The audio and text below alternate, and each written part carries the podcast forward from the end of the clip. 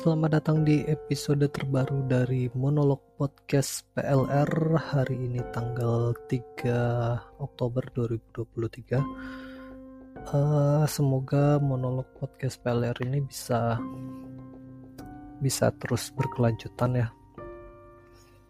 Karena akhir-akhir ini uh, sedang banyak ada berita-berita yang seru nggak seru juga sih dibuat seru-seru aja gitu. Terutama dari uh, Twitter ya trending topiknya selalu jadi sorotan. Episode lalu episode ke-17 kita ngebahas tentang bocah yang melakukan pembulian uh, ada sedikit update. Uh, saya baca dari Twitter tadi kalau uh, ada klarifikasi dari gurunya. Nggak tahu ini klarifikasi atau apa uh, katanya bocah itu memang juara pencak silat gitu pencak silat atau apa gitu yang pasti bela diri. Jadi dari kesimpulan saya yang kemarin harusnya anak itu dihukum kayak gimana sih gitu. Jadi uh, bener aja gitu harusnya dia emang diadu aja di atas ring gitu nggak usah di uh, di apa sih namanya apa sih istilahnya bukan di penjara di rehabilitasi bukan dibina pembinaan.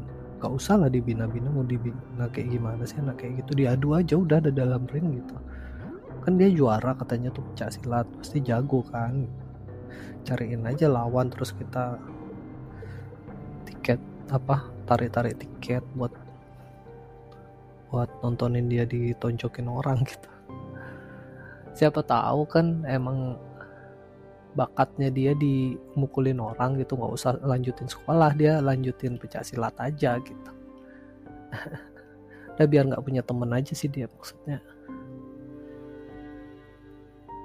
Biar uh, keinginannya dia untuk mukul-mukulin orang tuh ya difasilitasi lah di dalam ring gitu. Tapi sekarang kita nggak mau ngebahas masalah bocah. Ada pembahasan yang seru tapi sebelum ke pembahasan uh, intinya, saya mau ngebahas tentang fenomena yang ada di Australia. Jadi di Australia ini ada namanya uh, daylight saving. Daylight saving itu uh, jadi di Australia setiap pergantian musim dia itu ada pergantian jam jadi setiap enam bulan sekali ada satu jam yang hilang gitu. Gampangnya uh, kalau dibandingin sama di Bali perbandingan jam itu kan Australia lebih dulu dua jam tuh. Misalnya di Bali jam 10 di sini jam 12 gitu. Tapi fenomena daylight saving ini itu dimulai di tanggal 1 Oktober 2023 tepatnya di hari Minggu ada satu jam yang hilang yaitu jam 2 pagi nah di sini ada Sunday 1st October 2023 2 a.m. clocks turned forward 1 hour to Sunday 1st October 2023 3 p.m. local daylight time instead jadi uh, hari Minggu kemarin jam 2 pagi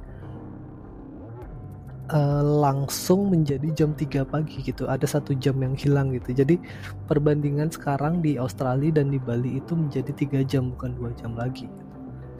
Dan ini biasanya ber berlangsung selama tiga bulan. Jadi uh, daylight saving ends at 3 a.m. Eastern Daylight Saving Time on Sunday 7th April 2024 jadi nanti berakhirnya di hari Minggu tanggal 7 April 2024. Jadi jam 3 pagi nanti mundur lagi jadi dua jam gitu. Fenomena yang aneh sih maksudnya kok bisa ya merubah uh, satuan waktu GMT Greenwich Greenwich Mean Time itu bisa dirubah gitu loh jadi GMT plus 10 jadi GMT plus 11 gitu hebat banget. Uh, ini pengaruhnya sama pergerakan matahari ya. Karena kalau kita di Indonesia di Katulistiwa kan pergerakan matahari nggak begitu signifikan ya. Nah, jadi perubahan cuacanya nggak nggak begitu kerasa. Tapi semak kayaknya semakin jauh dari Katulistiwa ini pergerakan matahari itu semakin ekstrim gitu. Uh, di Australia aja perubahan jamnya bisa satu jam. Di mana notabene Australia masih dekat juga sama Katulistiwa apa kabar yang di kutub-kutub itu? Makanya no wonder kalau ada daerah yang isinya pagi terus satu malam terus ya. Karena mereka jauh dari katulistiwa sih. Mataharinya itu geraknya terlalu ekstrim. Kalau kita di Indonesia biasanya kan hmm, misalnya subuh nih subuh jam 5 kadang-kadang jam 5 itu masih gelap kadang-kadang jam 5 udah terang banget gitu jadi subuhnya jam 4 gitu. Jadi waktu sholat tuh tergantung pergerakan matahari bukan uh, satuan GMT bukan satuan Greenwich Mean Time. Tapi di Australia ini dia ngikutin gerakan matahari jamnya gitu. Karena di sini jam jam 5 pagi udah terang gitu. Jadinya dimajuin satu jam jadi jam 6 pagi. Gitu. Intinya gitulah kalau kalian mau cari cari aja sendiri beritanya. Uh, terus uh, oke okay, itu sedikit tentang uh, fenomena daylight saving di Australia jadi sekarang kita mau masuk ke pembahasan yang lebih seru eh gak seru juga sih. Ini trending trendingnya sebenarnya udah dari tanggal 2 ya hari ya, kemarin. Trendingnya tanggal 2 Oktober 2023 di trending Indonesia itu ada uh, trending Mirna. Di mana baru-baru ini eh, di uh, platform OTT Netflix ada um, satu film dokumenter Ice Cold itu tentang uh, pembunuhan uh, Mirna Salihin, Wayan Mirna Salihin, di mana pelakunya adalah Jessica Kumala Wongso. Judul dokumenternya Ice Cold Murder, Coffee and Jessica Wongso. Jadi kalau kalian mau tonton, tonton ada di platform Netflix. Jadi saya udah tonton itu film dokumenter di Netflix. Uh, kalau nggak salah itu bulan September akhir itu saya tonton. Begitu dia keluar langsung saya tonton uh, sedikit informasi ya. Waktu kejadian ini ter terjadi, saya itu nggak ngikutin gitu persidangannya. Saya tahu itu rame ada di TV semua, semua plat platform, semua channel TV itu memberitakan tentang itu namanya? Tentang persidangan, persidangan uh, pembunuhan ini gitu. Tapi entah kenapa ya kalau misalnya persidangan-persidangan itu saya nggak pernah tertarik untuk nonton. Jangan ini misalnya zaman dulu itu ada persidangan uh, kasus bom Bali. Itu ya saya nggak nggak ngikutin gitu. Maksudnya cuma tahu hasil akhirnya aja. Atau persidangan uh, kemarin yang sempat seru persidangan oh ya persidangan MK ya. MK yang waktu uh, Pilpres 2014 eh 2019 Pilpres 2019 saya nggak ngikutin. Saya cuma ngikutin kejadian lucu-lucu aja gitu. Maksudnya potong-potongan di Instagram di YouTube untuk fullnya saya nggak nonton. Atau yang terbaru lagi persidangan uh, eh, FS penembakan barada-barada itu. Sampai sekarang saya nggak nggak ngikutin sih maksudnya. Saya sempat bahas beberapa episode itu tentang uh, penembakan barada-barada itu tapi saya nggak tahu sih apa yang sebenarnya terjadi. Toh hasil akhirnya juga di luar di luar ekspektasi kita gitu yang awalnya hukuman mati tiba-tiba hukumannya jadi ya begitulah terus di episode lalu kita juga sempat ngebahas apa sih yang kita apa sih yang kita harapin dari hukum di Indonesia gitu kita nonton-nonton persidangan itu kita cari apa gitu. Jangan kan persidangan di Indonesia ya. maksudnya sempat viral juga kan di sosial media atau di internet itu persidangan antara Johnny Depp dan Amber Heard. Itu kayaknya seru juga dan ada juga ininya di Netflix apa namanya dokumenternya di Netflix tapi saya belum nonton. Itu kayaknya seru juga sih kemarin soalnya sempat viral berapa kali kan. Mungkin uh, setelah ini saya nonton kalau misalnya ada yang seru bisa saya bahas saya bahas nanti. Tapi yang sekarang saya mau ngebahas tentang uh, dokumenter Ice Cold pembunuhan uh, Wayan Mirna Salihin yang dilakukan oleh Jessica Kumala Wongso. Jadi dari uh, film dokumenter itu um, saya menarik kesimpulan banyak kejanggalan sih yang ada di kasus ini gitu. Yang pertama uh, mereka berdua ini siapa? Mereka berdua ini siapa? Karena mereka even bukan artis bukan apa tapi kenapa media se begitu memblow upnya ini? Apa kejadian ini begitu meledak di zaman itu? Terus katanya the court of century gitu persidangan abad ini gitu maksudnya. Kayak terlalu heboh gitu padahal mereka bukan art artis gitu. Kalau kita lihat Johnny Depp dan Amber Heard taulah mereka sama-sama superstar gitu atlet Hollywood. Eh atlet lagi artis Hollywood. Tapi ini berdua mereka cuma sahabat aja warga sipil gitu. Kenapa bisa jadi besar? Itu pertanyaan besar sih. Pertanyaan besar saya non, uh, setelah nonton itu mereka tuh siapa. Terus dari dokumenter itu banyak terkuak kalau persidangan ini banyak uh, apa namanya banyak kejanggalan gitu. banyak kejanggalan dan akhirnya si Jessica Kumala Wongso dijatuhi hukuman 20 tahun penjara atas pembunuhan itu. Tapi saya bukan highlight oke jangan saya dulu. Uh, setelah nonton itu banyak pandangan netizen yang uh, menganggap bahwa Jessica kayaknya nggak bersalah deh gitu. Jadi banyak yang pindah pindah pemikiran sih gara-gara dokumen itu. Karena ya memang banyak kejanggalan di situ. Tapi yang mau saya highlight itu uh, bapaknya Mirna rese. Maksudnya uh, dia itu kayak orang yang terlalu ambis gitu loh.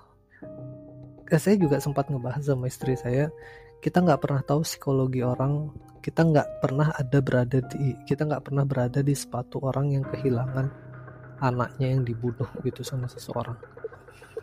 Tapi dari ekspresi atau dari apa sih namanya meng, menggebu-gebu ya apa sih emosi yang menggebu-gebu emosi yang meledak-meledak itu kayak gak natural gitu kayak nggak natural aja gitu. Kalau misalnya acting tuh actingnya jelek banget bapaknya Mirna. Tapi sekali lagi kita nggak tahu ya orang beda-beda. Terus yang saya curigai dari pertanyaan pertama mereka tuh siapa sih? Allegedly eh bukan allegedly saya menduganya ini ada ini akan dibuat sebagai episode eksplisit ya karena saya menduga ini ada hubungan sama pengendali Indonesia. Kalian tahulah maksudnya kita nggak usah. Ini adalah rahasia umum kalau Indonesia sebenarnya dipegang sama naga-naga itu. Mungkin ada ada apa namanya? Ada perselisihan antara itu dan yang menjadi korban ini adalah dua anak-anak ini dua dua orang ini Jessica dan Mirna itu adalah korban kalau menurut saya. Mirna yang menjadi korban yang nyawanya harus hilang dan Jessica yang menjadi korban yang harus menjadi yang dituduh gitu. Dituduh membunuh. Karena tuduhannya dia itu uh, tidak berdasarkan bukti langsung. Tidak berdasarkan bukti langsung. Jadi tuduhannya tuh hanya berdasarkan uh, asumsi terus background story dari Mirna terus uh, uh, tindakan mencurigakan pada saat kejadian itu yang menjadi uh, pemberat. Menurut saya ini menurut pribadi saya uh, Mirna kan kelihatan kayak tenang banget ya. Maksudnya kalau logika manusia biasa itu kan uh, kalau anggap saya nih saya lagi ngopi sama teman tiba-tiba teman deket saya mati. Mati karena minum kopi. Pasti kan panik gitu. Wih kenapa nih? Kenapa nih gitu Wih kenapa gitu pasti ada responnya tuh pasti beda gitu loh kalau benar dia nggak membunuh ya tapi di situ dia kelihatan santai banget terus sempat yang kayak kalau nggak salah ya temennya nanya e, gimana nih apa yang harus ini cari di Google? Oh sorry aku nggak ada kuota gitu. Maksudnya uh, kemungkinannya itu dua. Satu kalaupun dia pembunuhnya dia itu pembunuh yang profesional banget gitu psikopat level tinggi. Terus kalau yang kedua kalaupun dia ngebunuh kayaknya dia itu ini kesimpulan saya ya kayaknya dia itu di digendam gitu atau dikendalikan gitu atau dihipnotis apalah you name it namanya.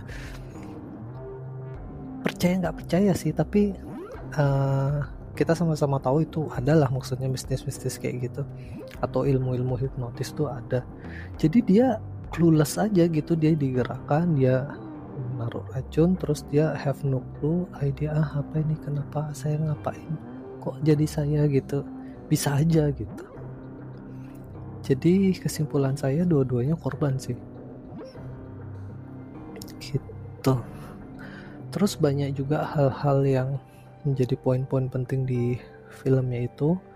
Dan saya mendapatkan beberapa uh, ada uh, thread dari Twitter atau X dari akun yang namanya @dypvy namanya Vivi. Ini kalau kalian cari itu dia profile picture-nya gambar Jasmine kartun Aladdin Jasmine itu kalau nggak salah. Ya. At dypvy oke. Jadi kita breakdown poin-poin yang diposting oleh akun Vivi ini ada beberapa poin sini banyak berapa nih? 17 21 22 2 ada 22 poin. Jadi kita bahas satu-satu. Oke. Yang pertama sosok ayah Mirna digambarkan sebagai orang yang memiliki kepribadian arogan dan narsistik. Uh, nah, ini seperti yang saya bilang tadi di awal, ayahnya Mirna itu suspicious banget gitu loh. Karena uh, ya dia bilang arogan pada saat interview, interviewnya nanya, "Kamu bawa pistol nggak?" "Oh, aku bawa pistolnya." Cuma aman, ini udah kekunci gitu. Maksudnya arogan. Uh, threat apa sih ancaman macam apa gitu yang bisa dikasih oleh seorang interviewer gitu sampai dia harus membawa pistol ke mana-mana kan. Aneh ya maksudnya dan nar narsistik ya sih. Uh, di film itu juga dia bilang pada saat itu orang di Indonesia kenal sama saya. Oh pak ini pak siapa sih namanya? Lupa pak ini foto-foto foto maksudnya bukan itu bukan itu esensinya dari dia terkenal nggak usah dia ngomongin terkenal itu kenapa harus dibahas dia terkenal dan orang-orang minta foto sama dia gitu kalau bukan narsis? Kan dia diwawancara untuk apa sih yang sebenarnya terjadi di dalam kasus ini? Kalian nonton aja kalian nilai sendiri gimana sosok bapaknya Mirna. Saya nggak mau uh, saya udah cukup pendapat saya sampai itu nggak mau lebih jauh lagi. Mungkin uh, kalian bisa tonton sendiri lah oke lanjut ke poin kedua yaitu ini mungkin bakal panjang ya. Karena ada 21 tadi. Oke kita lanjut uh, poin kedua. Kemunculan Jessica untuk berbicara dengan durasi yang sangat sedikit itu pun kemudian tidak diizinkan untuk interviewer. Jadi di, di dokumenter Ice Cold itu uh, tim produksinya itu dia mau menginterview Mirna di lapas. Tapi interview baru berjalan sebentar, uh, tim produksinya dilarang untuk melanjutkan interview lagi ke Mirna gitu. Ini kejanggalan yang paling janggal ya, maksudnya uh, sekali lagi Mirna itu siapa sih sebenarnya gitu. Sampai-sampai dia nggak boleh diinterview dan kita tahu bom Bali waktu dia masih jadi tersangka di interview juga bisa-bisa aja koruptor di interview bisa-bisa aja. Pembunuh pemerkosa di interview ya harusnya bisa-bisa aja. Dia siapa gitu loh.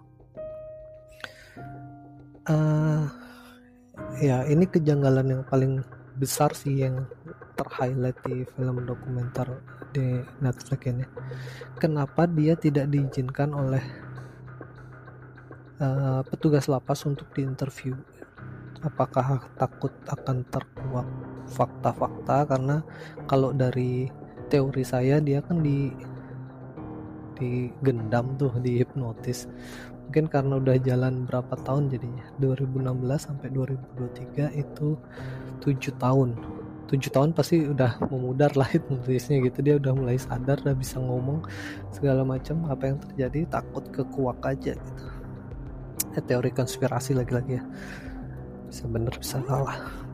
Oke lanjut poin ketiga. Suami Mirna dan ketiga hakim tidak diwawancarai. Ya uh, karena adanya teori konspirasi pada saat itu ada cinta segitiga antara Mirna suaminya dan si Jessica harusnya suami Mirna juga harus diwawancarai sih.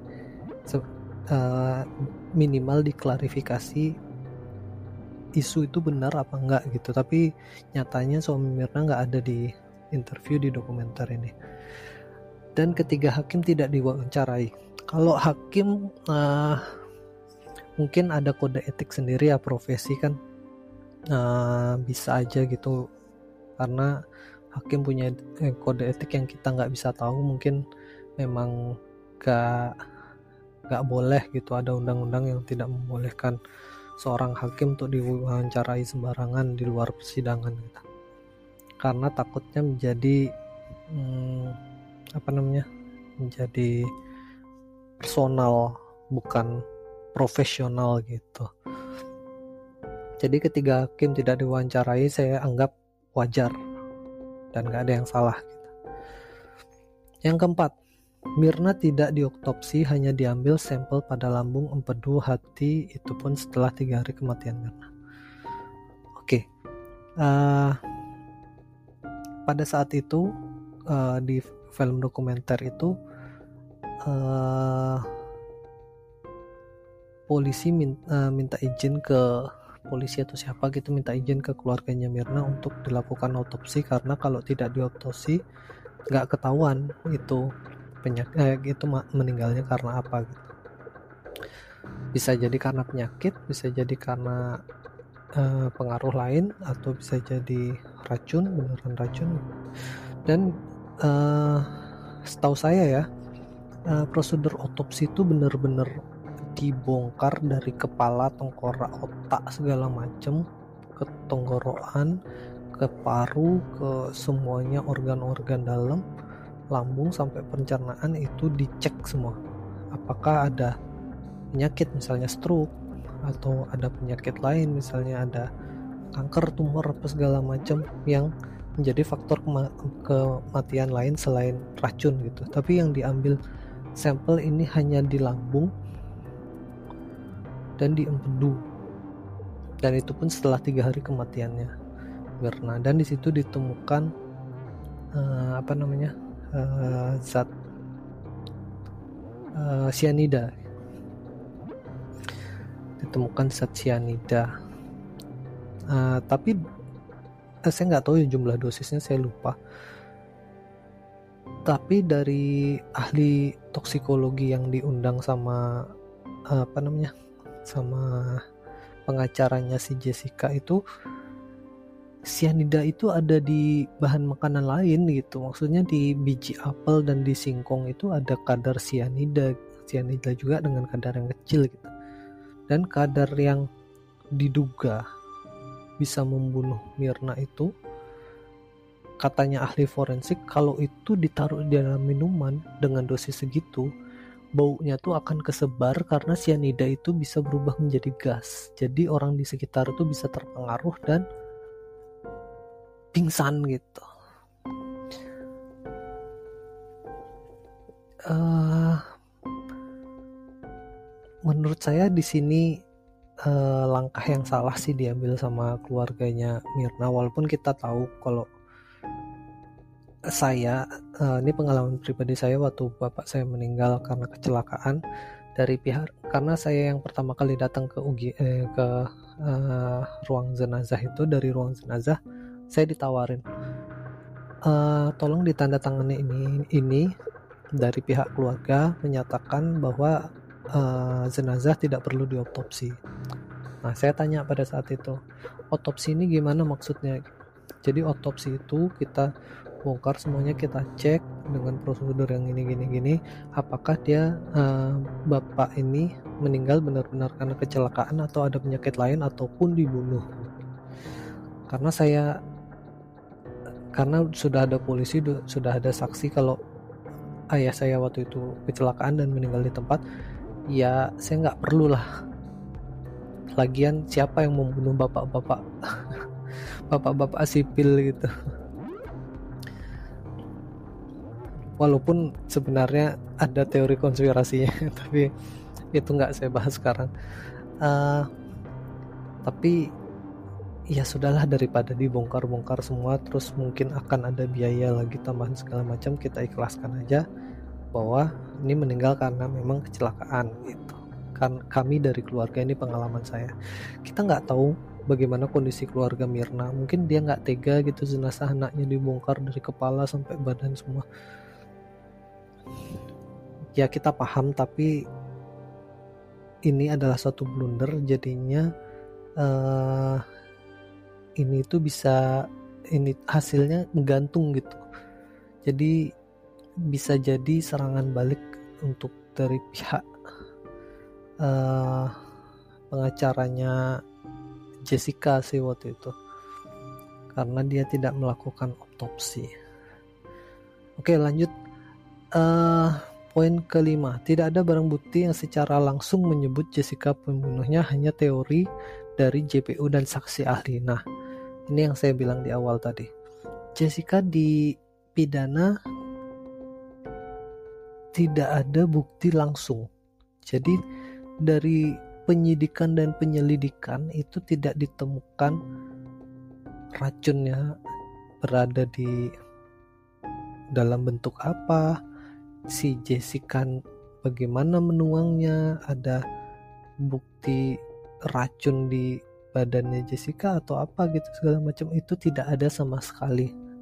Jadi Jessica itu diberatkan hanya dari uh, backgroundnya masa lalu karena dia ada uh, polis cek di Australia. Waktu dia kuliah di Australia itu polis cek di Australia dia apa gitu nabrakin mobil ke mana gitu. Intinya dia stres lah. Jadi banyak stresnya sih di Jessica ini. Dan didatengin juga polisi Australia di buka itu apa namanya police recordnya Jessica di Australia pada saat itu. Itu yang memberatkannya dia. Yang kedua yang memberatkan dia itu dari perilakunya waktu masuk uh, ke Olivier. Ya ke cafe Olivier itu dia celingak celingu karena kayaknya ngeliatin CCTV terus milih tempat duduk yang nggak kelihatan CCTV sama ada dia geser tas nutupin minuman Jessica dia yang mesenin minumannya Jessica dia yang tempat duduk. Itu yang memberatkan dia tapi tidak ada bukti langsung. Kenapa dibilang ini cacat? Karena bahkan delik akuan tidak bisa menjadi satu-satunya uh, satu-satunya alasan untuk memenjarakan orang gitu. Misalnya dalam kasus narkoba ya kita datang itu cukup-cukup ke kantor polisi ke persidangan pak saya narkoba saya pakai ganja saya ada sabu itu nggak bisa langsung diproses hukum gitu. Kita harus cari bukti satu bukti. Kalau dari kasus narkoba kita harus tes urin lah segala macam. Tes rambut mungkin. Uh, nah di situ dapat bukti. Dan kita juga perlu saksi. Saksi apakah benar orang ini memakai ada apa nggak temannya yang tahu atau siapa ininya dia beli di mana siapa kurirnya segala macam.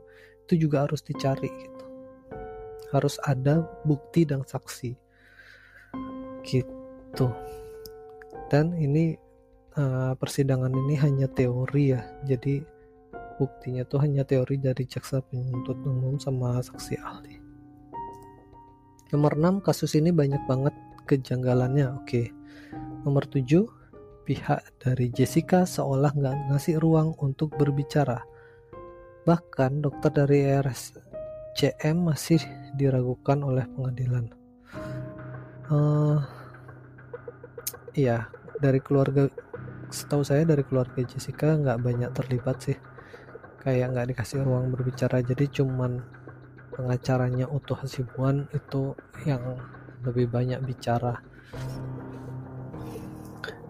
dan menurut saya uh, Otto Hasibuan itu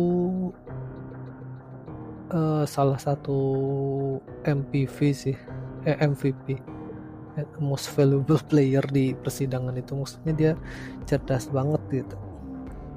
Dan Otto, Otto pun waktu keluarganya si Jessica nawarin kamu gak jadi pengacara ada kasus gini gini gini?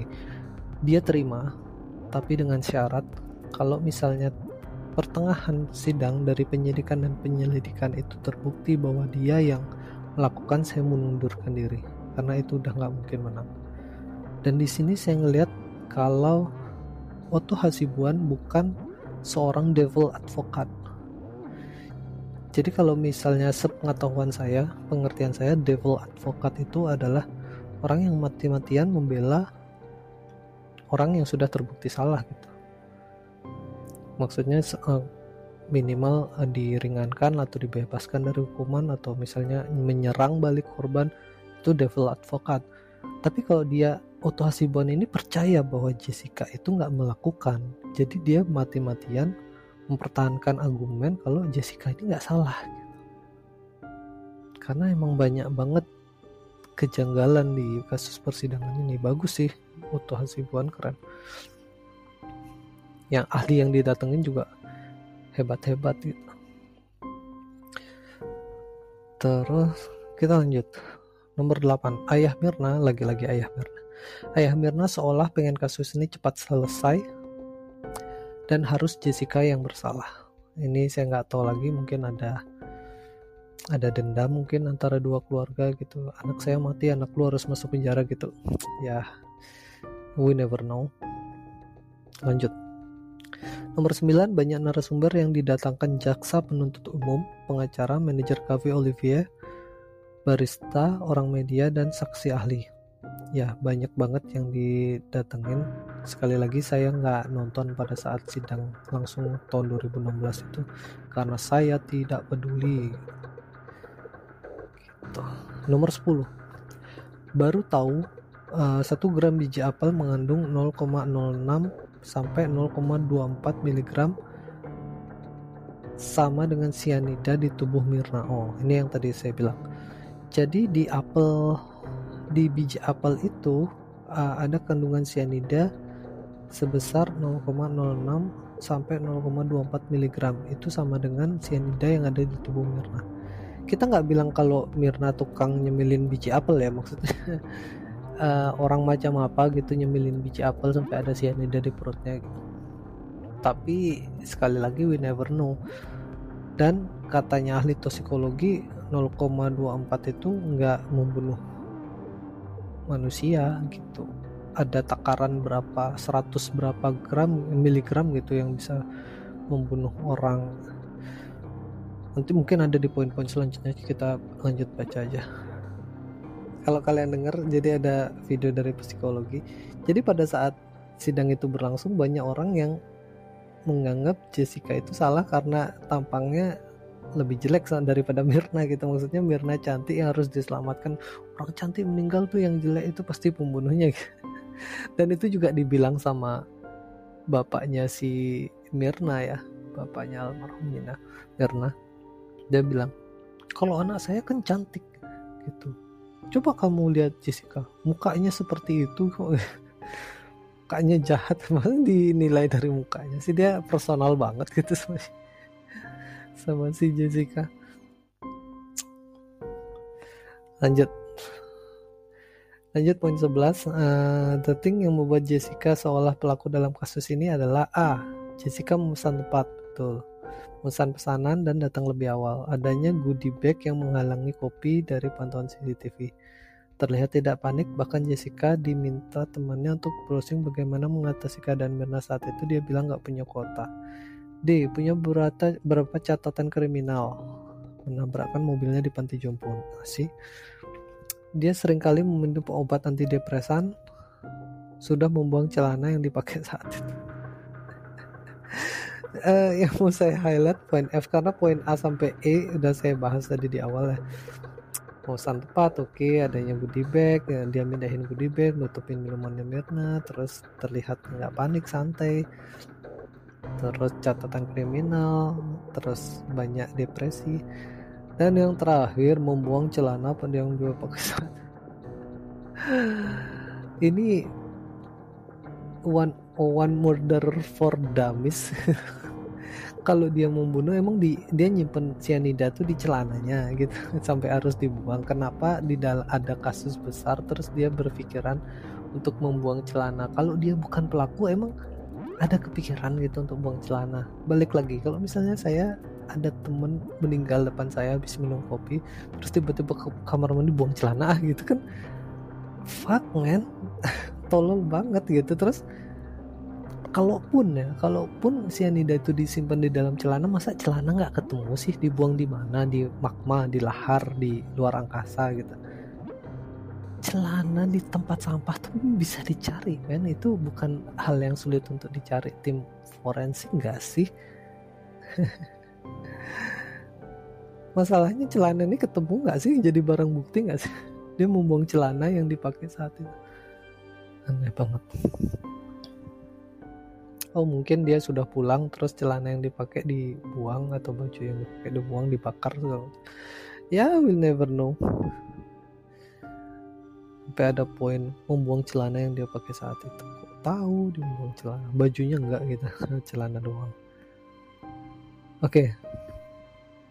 Poin-poin tersebut yang memberatkan Jessica namun bukti utama yaitu cyanida tidak pernah ditemukan pada Jessica. Jessica juga gegabah membuang celana yang dia pakai saat itu. See, ini adalah one on one murder for dummies gitu. Dia kalau dia pembunuh ya suspicious saja buang celana tuh. Tolol lah maksudnya. Buang celana loh. Oke poin ke-12 ayah Mirna lagi-lagi di awal dokumenter bilang saya akan menginvestigasi pasti akan ketemu pembunuhnya namun dia sendiri yang nggak mengizinkan jenazah Mirna dioptosi secara menyeluruh. Artinya ayahnya Mirna ini udah tahu kalau dia dibunuh dengan racun tanpa harus diotopsi.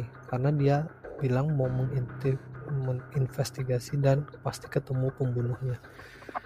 Dia nggak mau tahu apa anaknya itu ada penyakit stroke atau apa. Yang pasti dia berkesimpulan kalau ini dibunuh karena racun tanpa ada bukti otopsi gitu. suspicious kan bapaknya Mirna? Kalian tonton lah seru. Uh, poin ke-13 ini berapa menit ini?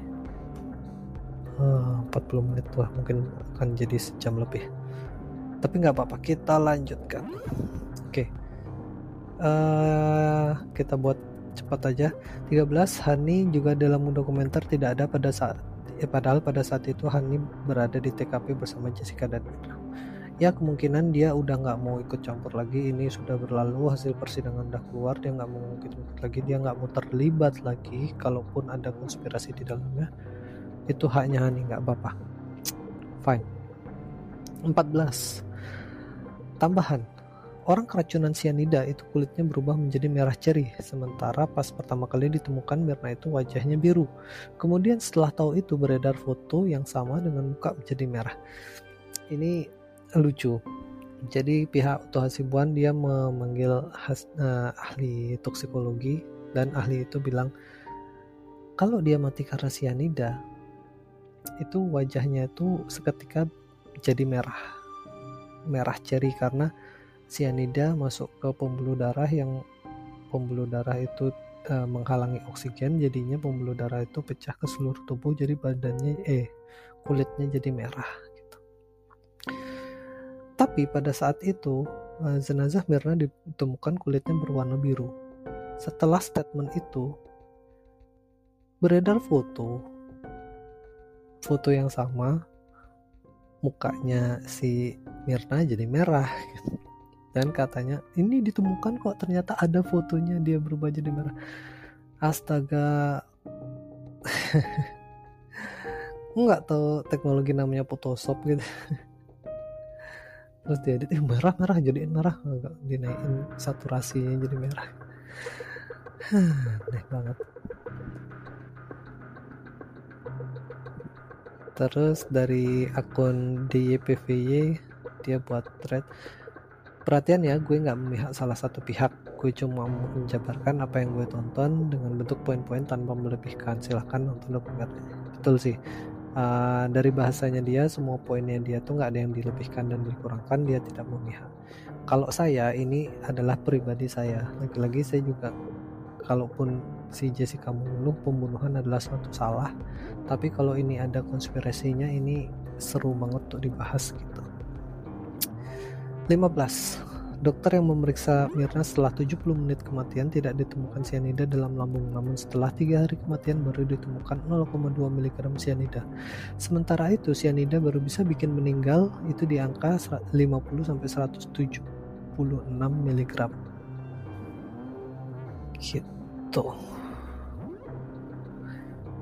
Terus ini ada thread lagi iklan layanan masyarakat bentar kalau kalian penasaran gimana pembunuhan yang menggunakan cyanida itu ada beberapa episode di serial Detektif Conan yang tahu episodenya bisa komen. Oh, iya, saya ingat pada saat itu hmm, di serial Detektif Conan juga ada kasus pembunuhan dengan cyanida. Jadi cyanidanya itu dimasukin di dalam es batu. Jadi uh, apa namanya si korbannya itu pas minum itu nggak langsung mati karena nunggu es batunya cair baru cyanidanya ber ber apa namanya ber bereaksi ke dalam minuman. Dan uh, pada saat itu kalau nggak salah ya si uh, Conan itu sedang berubah jadi Shinichi Kudo karena dia minum obat PTX 4826 berapa itu yang bisa dia bikin berubah jadi Shinichi lagi dalam durasi sementara.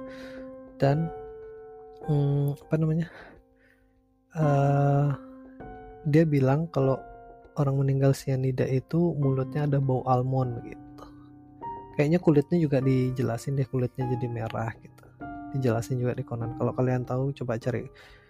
Uh, mungkin ada di YouTube detektif Conan pembunuhan sianida gitu kalian cari tahu aja. Poin 16, ada part yang sebenarnya nggak penting tapi mungkin jadi, jadi salah satu cara membuat menggambarkan netizen Indonesia itu tahu gimana bikin fokus kepecah ketika salah satu jasa yang disebut ganteng itu nikah dengan artis. Ya sih nggak penting. Uh, emang netizen kayak gitu ya netizen dari zaman dulu kayak gitu. Ada kasus apa fokusnya ke mana jaksa ganteng. Sebenarnya nggak nggak perlu ganteng nggak perlu ganteng juga sih ada situ. Tapi kalau untuk kebutuhan TV mungkin kita perlu yang ganteng. Lagi-lagi teori konspirasi. Kayak penembakan teroris di Sarinah itu kalian masih ingat gak sih? Ada polisi ganteng rahim kok anget hamil online tai lah. Polisi sama teroris tembak-tembakan itu polisi ganteng goblok lah rakyat Indonesia. Lanjut. 17 couldn't agree more. Kalau kematian tidak wajar emang harus diotopsi atau diperiksa secara seluruh organ biar tahu sebab matinya. Ahli patologi forensik dari RSCM bilang begitu padahal organ-organ lain punya potensi bisa bikin mati ya kayak tadi penyakit stroke apa jantung segala macam. Oke 18 awalnya bingung juga fungsi dia uh, fungsi dia di sana apa. Tapi gue coba memahami kayaknya itu gambarin gimana netizen Indonesia demen sekali sama kisah-kisah ala sinetron. Oh ini si siapa sih namanya? Si jaksa ganteng itu ya. Fuck lah nggak penting. 19 sebelum sidang sebelum sidang juga ter, eh, sebelum sidang juga terjadi pertemuan antara ayah Mirna manajer cafe Olivia dan barista. Pas ditanya yang dibahas di sana eh, maksudnya waktu meeting itu dibahas apa baristanya jawab saya lupa soalnya udah lama banget. Sedangkan uh, manajer Olivia cuma bilang gue takut salah ngomong ya gitu. Terus baristanya jawab kalau ketemu cuma bahas tentang kasus tersebut gitu sih. Ya kita nggak tahu lah. Tapi mungkin ada teori konspirasinya juga. Kong kali kong gitu. Buat seperti kayak gini gini, gini. whatever.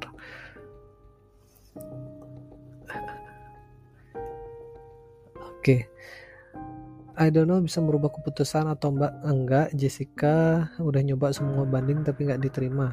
Ada sebuah dokumenter judulnya Making a Murder Dua orang difonis penjara seumur hidup tapi dalam dokumenter itu terlihat banyak kecurangan. Kemudian 250 ribu orang menandatangani petisi. Petisi pembebasan dua orang yang dituduh melakukan pembunuhan. Gitu. Ya, ataulah kalau di Indonesia petisinya apa kita bisa.com.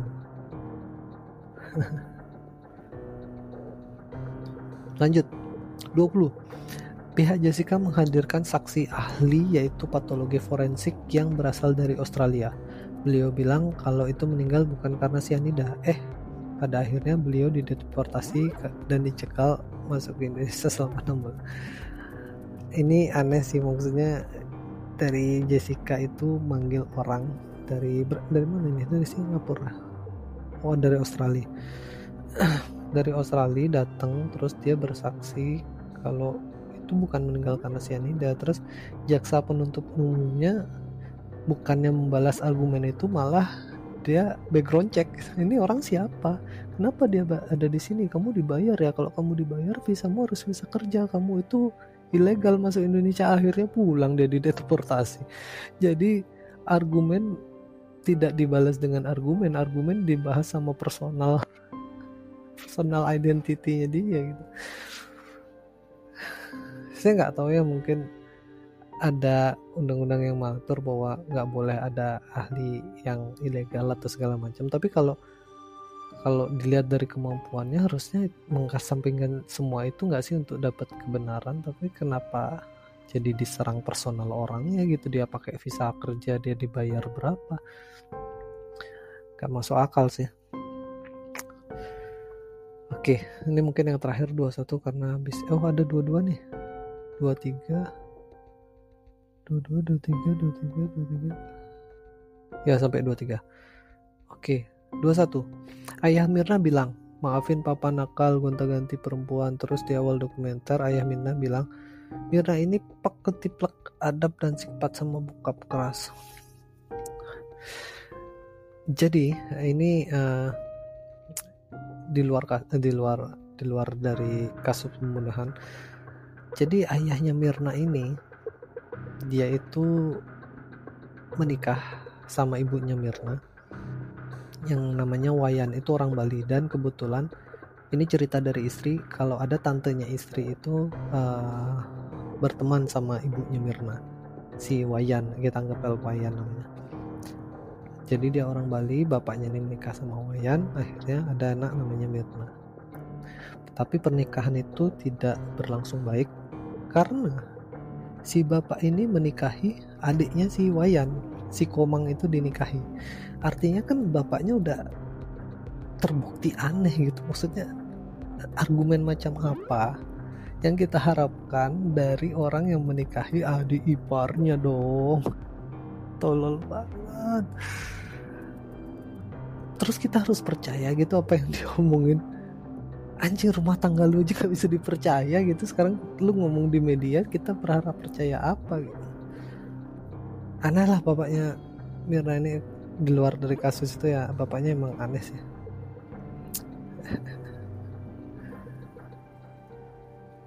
Terus penting banget ya di dokumenter itu dia bilang papa nakal gonta-ganti perempuan kayak kesannya bad boy aja padahal dia cuma menunjukkan aib dan kebodohannya dia aja sih oke yang kedua-dua ada salah satu narasumber yaitu chemical toxicology bilang bahwa benar ad, jika benar ada 7400 mg kandungan sianida dalam kopi Vietnam itu, maka orang-orang pingsan apalagi di kafe itu merupakan tempat tertutup sianida dalam bentuk cairan dapat berubah menjadi gas. Oh ya, ini yang tadi. Jadi kalau dari kandungan segitu di ada di dalam kopi itu baunya tuh pasti akan nyebar gitu. Karena sianida itu bisa jadi gas. Dan orang-orang di sekitar tuh bisa pingsan paling nggak pusing lah. Terus si Otto Hasibuan bilang sama ahli toksikologinya bisa nggak kita coba di sini? Ya nggak bisa pak. Kita nggak mau ngambil resiko. Tapi kalau nggak dicoba siapa siapa yang tahu gitu ya. Maksudnya coba aja sih. Siapa tahu mereka pingsan semua di situ kan yang penting nggak memakan nyawa ya, pingsan paling cuma berapa menit gitu bangun lagi oh iya benar ternyata. Harusnya dicoba sih maksudnya biar kelihatan semua tolol-tololnya itu pingsan semua. Oke. Yang kedua tiga nih kayaknya yang terakhir ini. Ini udah berapa menit? Udah 52 menit udah satu jam. Oke yang terakhir yang ke 23 dalam kasus pembunuhan kadang bukan mencari siapa pembunuhnya tapi siapa yang dipersalahkan karena kasus uh, harus ada yang dihukum atas kematian seseorang. Ya ini statement dari seorang siapa sih ini murderer entusias kah? Iya kayaknya murderer entusias gitu deh. Jadi ya kadang persidangan ini bukan nyari siapa yang salah tapi siapa yang harus dihukum sih dan ya begitulah pengadilan gitu. Kayak yang terakhir pengadilan apa namanya? Pengadilan tragedi kanjuruhan yang disalahkan angin kan? Maksudnya nggak ada yang nggak ada yang disalahkan jadinya. Karena pelakunya adalah angin. Aneh banget mungkin itu uh, resume apa? Sinopsis lah sinopsis kan. Dari dokumenter uh, Ice Cold kasus pembunuhan Wayan Mirna Salihin yang dilakukan oleh Jessica Kumala Wongso. Kalau kalian mau nonton ada di platform streaming eh platform OTT Netflix masih tayang nggak tahu pasti peringkat satu atau enggak karena sempat ada di peringkat satu. Uh, jadi pandangan saya dokumenter ini bukan mau menguak apa-apa ya. Maksudnya ini nggak akan merubah hasil nggak akan merubah hasil sidang nggak akan merubah apa-apa. Nggak nggak lebih dari sebuah menurut saya ini dokumenter nggak lebih dari sebuah hiburan aja. Hiburan karena uh, dari dokumen dokumenter ini akan banyak teori-teori konspirasi yang bermunculan banyak-banyak pendapat dari masyarakat. Terus kalau nggak salah udah masuk USS Fit lagi. Ada berita-berita apa? Mungkin kalau episode selanjutnya saya sedikit akan ngasih tahu update-nya. Yang pasti saya tidak peduli saya memandang ini hanya sebuah hiburan yang seru. Sekali lagi ini boleh ditonton. Uh, kalau rating 1 sampai 10 ini tujuh setengah. Karena apa yang kita ending apa yang kita harapkan dari sesuatu yang kita udah tahu gitu. Ya mungkin segitu dulu episode monolog kali ini. Kalau ada hal-hal yang seru kita bahas lagi terutama di Twitter. Kalau di trending Twitter sekarang coba kita lihat. Per hari ini tanggal sekarang udah tanggal 4 ini di record by the way jam 12 malam. Trending di Indonesia ada Jepang amban-amban Oppo Jody hamil TikTok Shop. Dan tidak ada yang seru sepertinya Oke, sekian dulu. Ini sudah 56 menit.